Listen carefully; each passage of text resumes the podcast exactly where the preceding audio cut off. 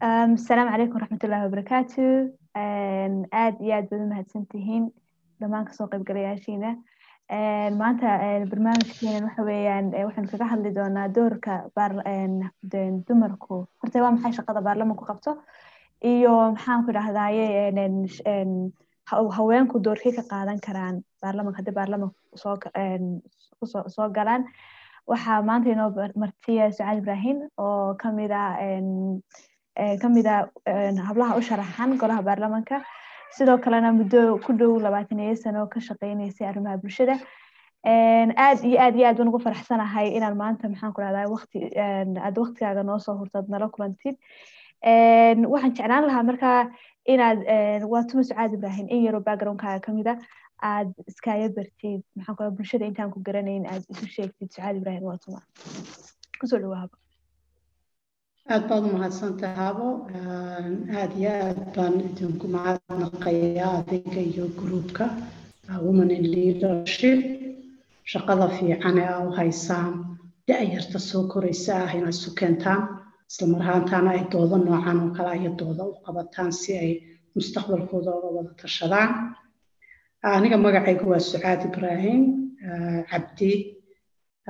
Waxaan ahaa qayb ka mid ah haweenka somalilan ee degan magaalada hargeysa. Waxaan muddo ka badan ku dhow shan iyo labaatan sannadood aan ka shaqaynaya arrimaha bulshada. Gaar ahaan waxaan aada ula shaqeeyey oon qayb ka ahaa dhisidda iyo tayeynta ururada madaniga ah ama waxaan loo yaqaana afka qalaad local organizations.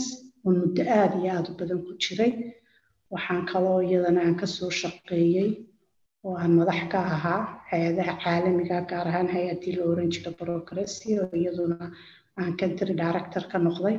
Waxaa ahaa cilmi baare sare oo ka shaqeynaysa iyaduna aadamiyada nabadda iyo horumarinta muddo iyadana ku dhow labiyo toban sano oo aan iyadana qaybo badan oo cilmi baareed oo kala gedisan aan sameeyey marka laysku soo wada duubo shaksiyadda ahaan waxaan ahaa uun qof xoogogaal u ah waddanka iyo howlaha ka socda gaar ahaan howlaha aad u dhow daloosha howlaha arrimaha bulshada.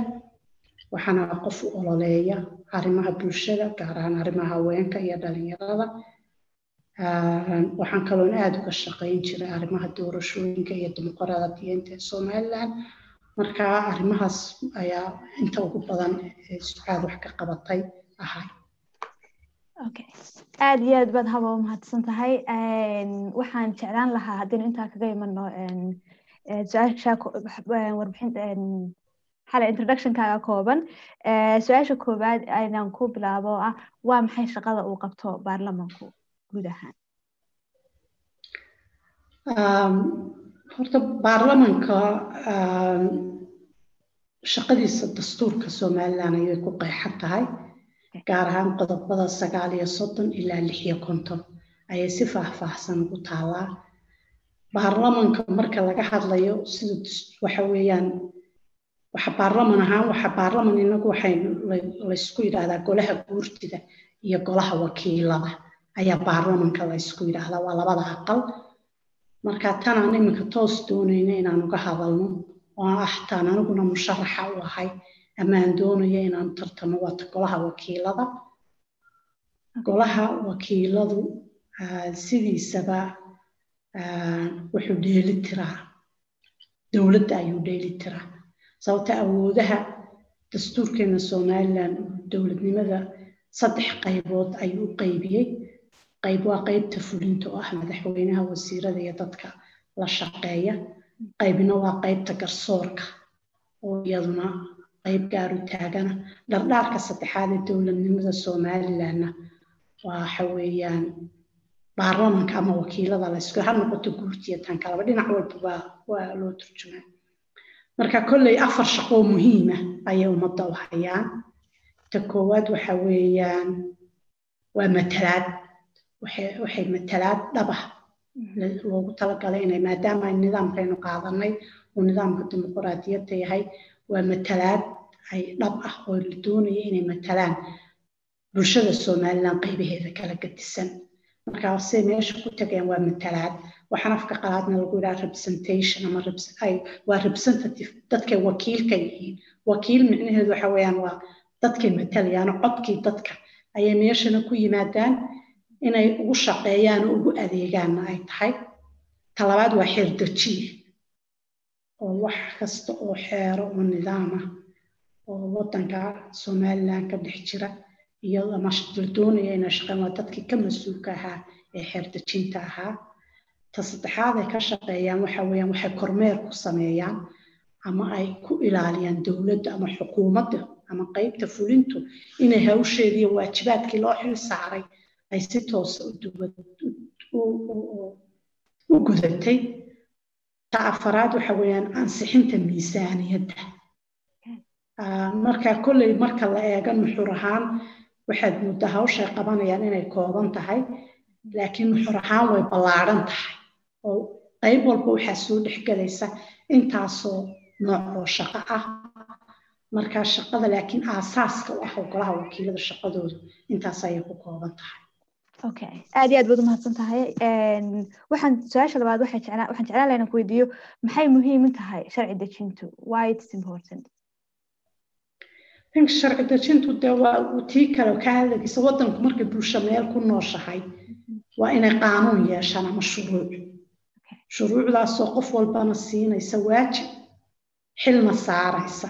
Marka waxa weeyaan waxa weeyaan ummaddu haddii aanay shuruuc xagta aanay lahayn ma shaqayso horumar ma gaadhayso meelna uma socoto. Marka muhiimadda xeer dejintu ama sharcigu waxa weeyaan waa siyaasad.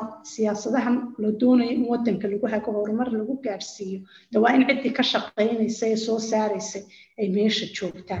Marka saasaa loo leeyahay xeer dejin oo inta badan waa adigan maqlaya la leeyahay maaragtay xeerka xeerka nidaamka canshuuraha wakiiladu waxay ansixiyeen oo shaqeeyeen xeerka nidaamka canshuuraha.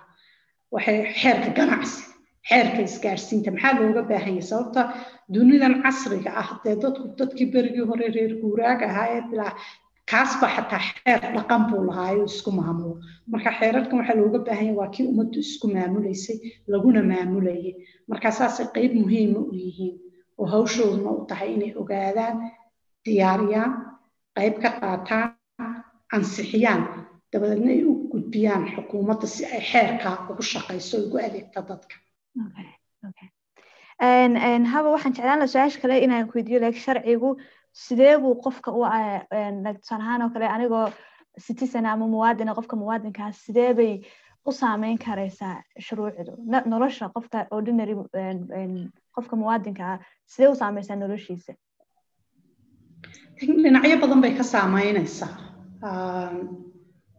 sababtoo ah qayb waxaad ka tahay bulshada waddanka ku nool. Marka kolley waxaad tahay qof jiro oo leh waajibaad xuquuqna leh. Marka sharcigu labadaadaba waajibaadna wuu ku farayaa xuquuqna wuu ku saarayaa. Masalan ka soo qaad xeerka canshuuraha ka soo qaad.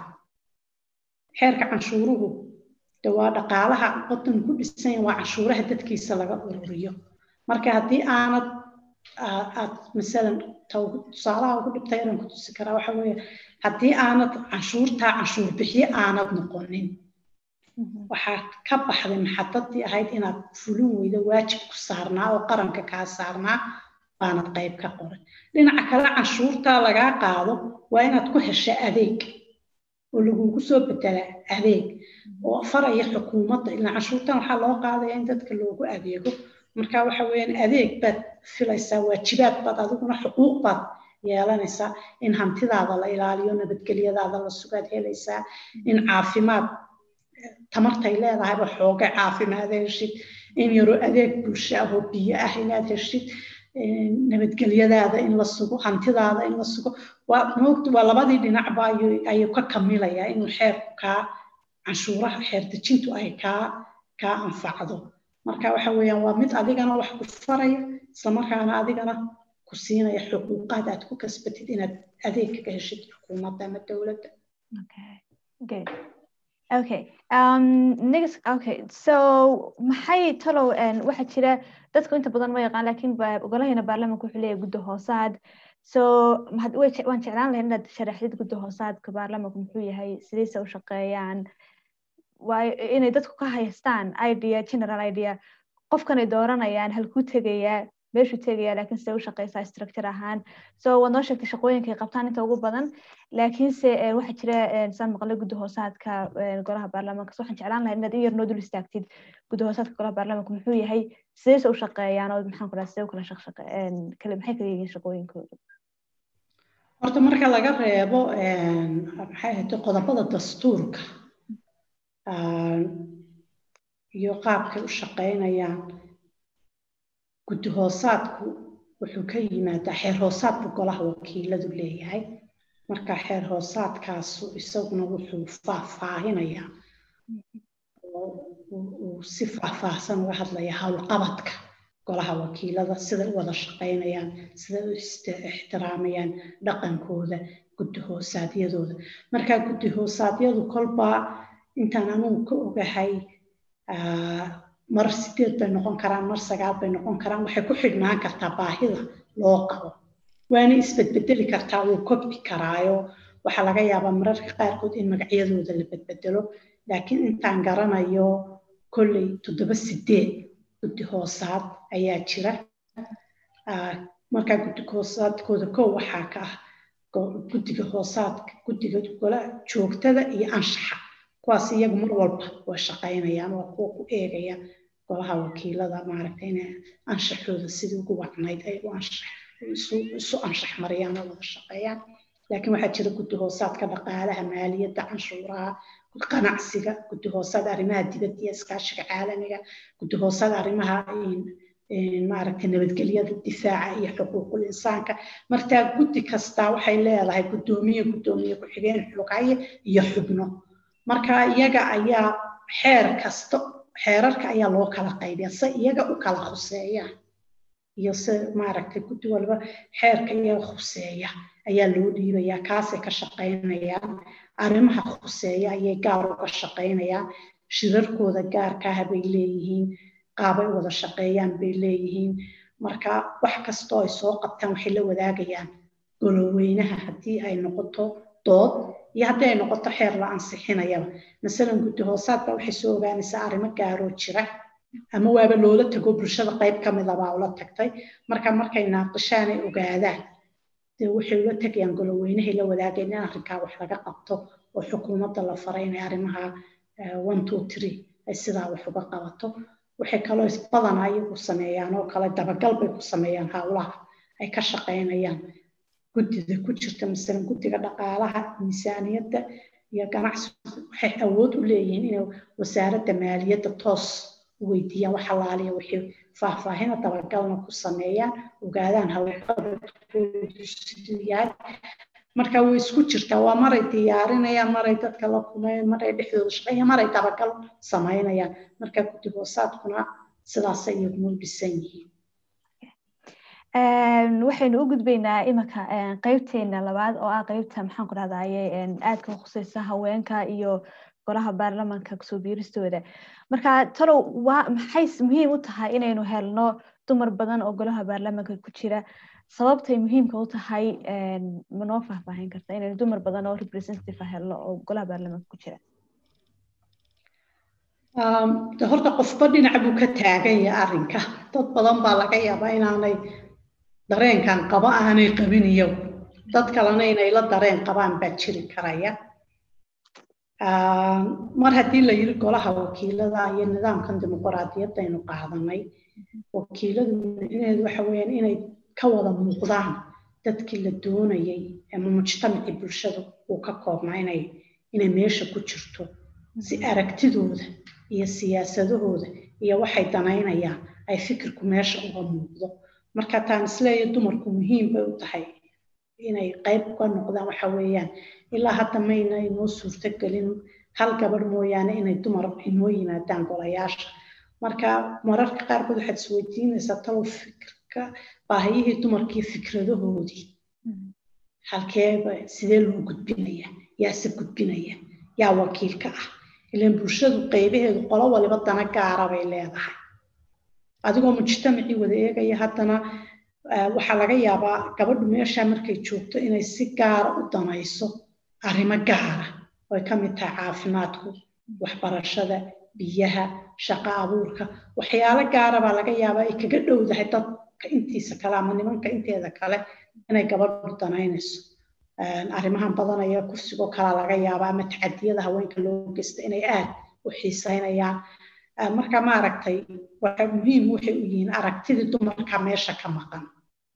Dabcan hadday aragtidii dumarkuna meesha ka maqan tahay sidii wax looga qaban lahaana way ka maqnaanaysaa oo sida wax looga qabanaya waxay noqonaysaa dee dadaan wakiil ka ahaynoo aan xaaladaha hoose aada u ogeyn ayaa mar walba go'aan si korkaxaadis ah u gaaraya.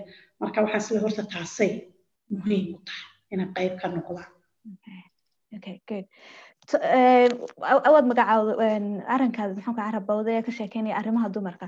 Haddii la helo dumar badan oo golaha baarlamaanka ku jira maxaan ku dhahdaa at the same time waynu ognahay kolley laga yaab ma kula tahay in arrimaha xaaladaha in arrimo badan oo haweenka khuseeya ay maxaan ku dhahdaye xal deg dega loo gaari lahaa because dumar badan baa golaha baarlamaanka ku jira. Wallaahi dee waxay ku xidhan tahay qaabka wada shaqayntay ku xidhan tahay iyo iyo iyo maaragta iyo sida arrinta loo gudbiye loo loo loogu dee loo geliye ajendaha iyo sida looga howlgala intaba way ku midatay kolley ismalihi dee sanadadan soo socdo dumar badan baa gelaya aanu kolley waxwa gelayaan laakiin tiro badan ma filayno sababtaa wax oo dhan baaba imika inagu cusub. Laakiin waan ku rajo weyna inay wuxuun ay inoo soo baxaan. Marka kolley dumarku dee mujtamacaasun bay ka mid yihiin. Marka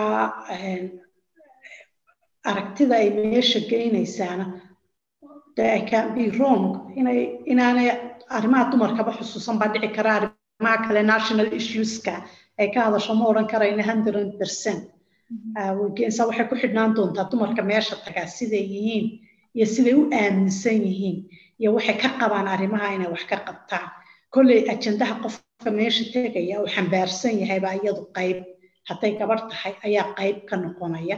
Gabadh xambaarsan ajendahaas inay arrimaha ka hadasho waxna ka qabato way geynaysaa gabadhii aan xambaarsanayn arrimaha kale national issueski muhiimga yihiinna inaanay geynayn bay aniga ayla muuqataa. Marka waxay ku xidhan tahay cidda meesha tegaysa iyo qaabkay wax u dhigayaan.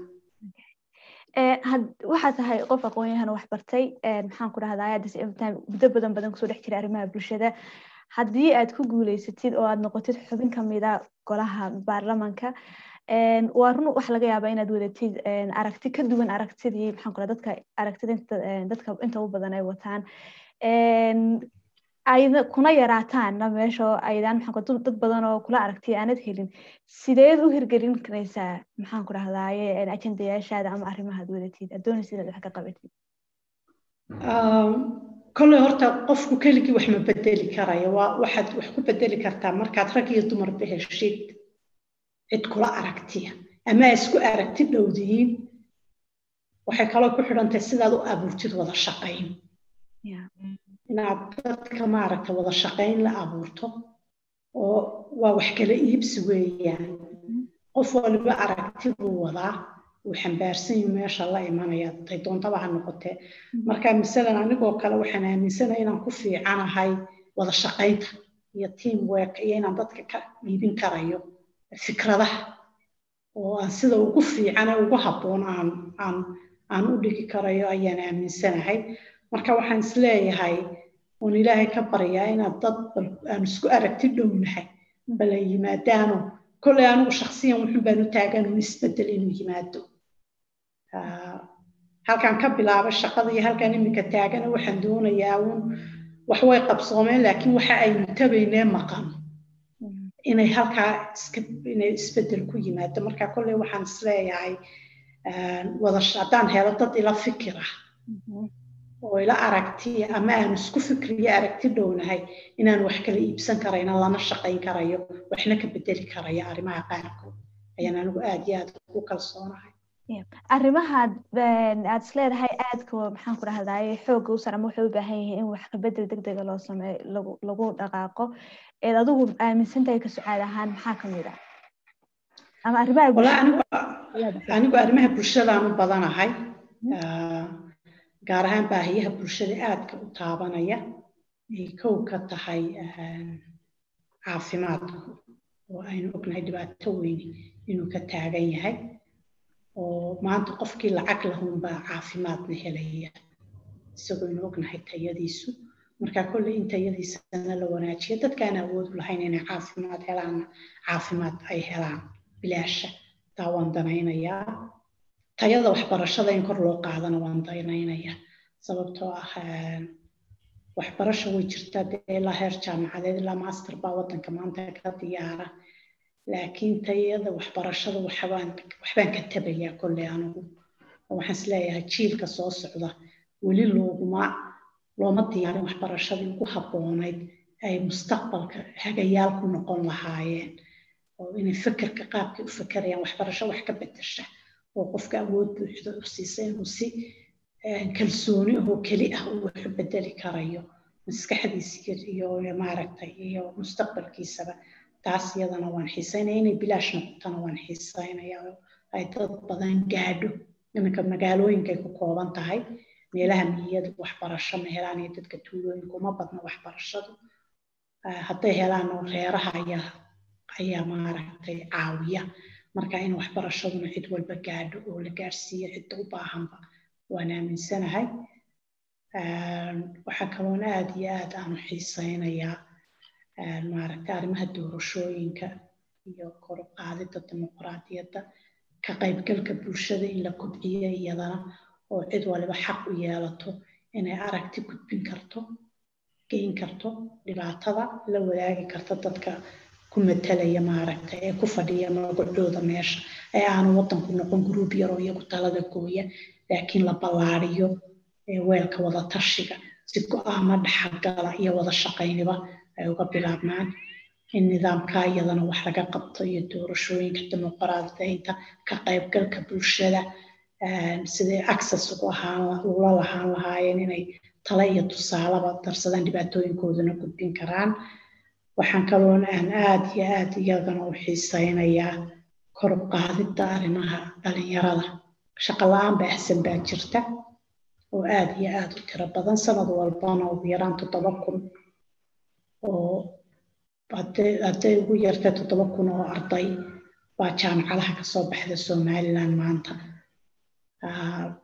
Wax shaqahoo ku filana looma hayo. Qof walbana waxaad moodaa cabashe guryaha qaar ba afar afar qof ama shan qof oo jaamacada ka soo baxay fadhiyaan sidee baynu dhalinyaradeena u howlgelinaa shaqada dowladda iyo dhaqaalaha iyo xafiis shaqaaleynta dowladdu kuma filna. Oo capacitiga dowladdu intaasoo shaqo ah ay ku hanan karto way yar tahay oo dhaqaale intaa leeg looma hayo maxaa kale u bannaan ee dhalinyarada way jiraan dee maaragtay hawlo ay ururada qaarkood sameeyaan. Laakiin haddana weli kuma filna. Laakiin inay doodaasi timaado oo la isweydiiyo dooda inay timaadaan muhiima oo maaragtay goluhu doodaa keeno oo la isweydiiyo oo la yidhaahdo halkee baynu halkan uga gudbi karaynaa waa maxay caqabadaha hortaagan ee lagu bedeli karayo waxaynu hortaagan qorshe cad ka soo baxo taasna isagana aad baan xiiseynaya okay waa run waxaa jira maxaan ku dhahdaa caqabadaha sheegtay oo dhan dhammaantood way wada jiraan dad badanna maxaan ku dhaha inta badan way sheegaan oo way magacaabaan inay jiraan caqabadahaas. Laakiin ma kula tahay inaynu dhammaan dadka aqoon-yahanka ama dadka maxaan ku dhahdaye baarlaman ku jira waxaynu waxaynu tabaynaa inay tahay sidii loo fulin lahaa ama qorshihii lagu fulin lahaa ama so haddii ay maxaan ku taasi jirto adiga sucaad ahaan sees leedahay qorshaha waa loo geli karaa. Tusaale ahaan in dadku helaan caafimaad bilaasha qorshaha lagu heli karaya muxuu noqon karaa in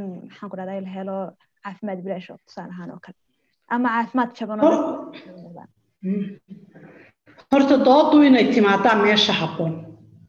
Doodaa ka muhiimsan inay timaado la isweydiiyo golaha wakiiladu isagu shaqadiisa hore sidaan u sheegay waa ku dabagalka inay hawlihii xukuumadda fulintii inay fuliyeen. Sababtaa dee iyagu hawlfuliye ma aha wakiiladu. Laakiin waxay xaq u leeyihiin inay ogaadaan baahiyaha ka jira. Oo masalan hadday ogaadaan caafimaadka arrimaha ka taagani maxay yihiin? De inay dooda keenaan baa muhiima. Oo dood caafimaad qabta ay keenaan. Oo maaragtay arrimaha iyagoo cilmiyeysan la keeno. Waad aragtay baarlamaanada adduunku siday doodaha u keenaan in la soo cilmeeyo aanay noqon korka xaadis iyo maxaa waxa loo qaban waayo aanu qof ka dhigan mashruuc ah. Ay noqoto dood xalaalo oo xora oo lagaga turjumaya baahida taalo taasaa muhiim. Anigu waxaan is leeyahay golaha wakiilada soo socda haddii ilaahay kugu guuleeyo wax ka bedel inaan ku sameeyo arrimahaasoo kale inay yimaadaan oo iyadoo lagu soo eego xaqiiqo ku salaysan xaqiiqada jirta lagu soo salaynayo. In doodaa la keeno oo laga hadlo dabeedna marka la wada hadlo dee xal baa imanaya. Inuu xal yimaadaa ayaa waa khasab waa lagu khasban yahay. Marka anigu waxyaalahaan is leeyahay waxyaa dhaqankaas inuu yimaado ayaan jecelo inaan ku kordhiyo golaha wakiilada. Haddaan imaado haddii yidhaa okay aad iyo aad waad umahadsantahay habo waxaynu maxaan ku dhahdaa ayay u gudbaynaa su'aalaha participantska si aynu isugeena mixrab garayno mida kale suunkana wuxuu leeyahay ciladoo each forty minute uu isjaraa maxaan ku dhahdaa ayay socodkiisa marka haddaynu isku dayno we have seven minute around seven minute intaanu iska keen jarin marka su'aasha koowaad waxay ka timid xamda waxay tiri arrimaha haweenka ee maalin kasta maalin kasta bedel isbeddelka lagu sameynayo ama maxaan ku dhahdaa sidee looga meel ha iyagoon meel looga dayin ama aan laga fikirin sida tusaale ahaan oo kale ciyaarihii hablaha loo diiday ama kootada dumarka arrimahaas oo kale maxaa haddaad ku biirtid golaha baarlamaanka maxaa kaaga qorshaysan kolley saan hore u sheegay dooda inaan geeyaa muhiim ah. Waa ajendayaashan markaa dooda inaan meesha geeya ka bilaabanto muhiim bay tahay. Isla mar ahaantaana inaan helo dadkii igala shaqayn lahaa ayla fikirkii aragtida dhow waynu aragnaayo space ama maaragtay spaceka dumarku iminka ay somaliland ku haystaan inuu soo yaraanayaad muddaa wax walba waa maaragtay marka laga reebo waxbarashadan caamka ah iyo maaragtay shaqada mooyaane waxaad moodaa waxyaalihii kale ay jeclaan lahaayeen inay mustaqbalkooda qabsadaan inay inaan sidii loogu talagalay aanay u shaqayn marka kolley inaan u doodo dooda meesha keeno u ololeeyo in isbeddel lagu sameeyo. Haddaan arka cid ku xadgudbaysana dee in ciddaa maaragtay tallaabada ugu habboona laga qaadi karayo laga qaado. Kolley aniga keligayga iman maysa laakiin dumarkana waxaan uga baahanahay ama haweenka ku jira dhalinyaro iyo haweenba inaan wada shaqayn buuxda la sameeyo ay noqoto informe maaragtay warku wax laysla og yahay oo marka qofku golaha wakiilada taga xidhiirka inaanu ina maaragtay dhibaatooyinka jira uu lala wadaago qofkuna isaguna aan aniguna raadsado dabadeedna halkaas xal ka soo baxo oo la helo in si caafimaad qabta arrimaha looga doodo wax isbeddel loogu sameeyo. Hadday noqonayso xataa inay xeerar cusub noqoto in la abuuro oo arrimaha lagu qeexayo kolley aniga ku talagalkaygu inaanan ka nasanaynin baan ogahay arrimahaas. Waan dabagelaya noocay doonaan baha noqdaane aad iyo aad baad mahadsan tahay su'aasha labaad waxayna leedahay sidee ayaa xubno badan oo gabdha ah loogu heli ugu soo biiri karaan golaha baarlamaanka ama sideynu ku heli karnaa dumar badan oo golaha baarlamaanka ku jira? Wallaahi su'aashaasu waa su'aal waxa weeyaan igu adag aniga. Waxna adigu kugu xidhan yahay waxna dadku ku xidhan yahay. Waxaana la yidhaahdaa runtii oo arrimahan dumarka waxaan malaynayaa iminka ka qaybgalka siyaasadda koob iyo labaatan sanaan aada u dhex jiriyo uloleyntooda xagga hore goobaha ka taaga ka mid ahaa.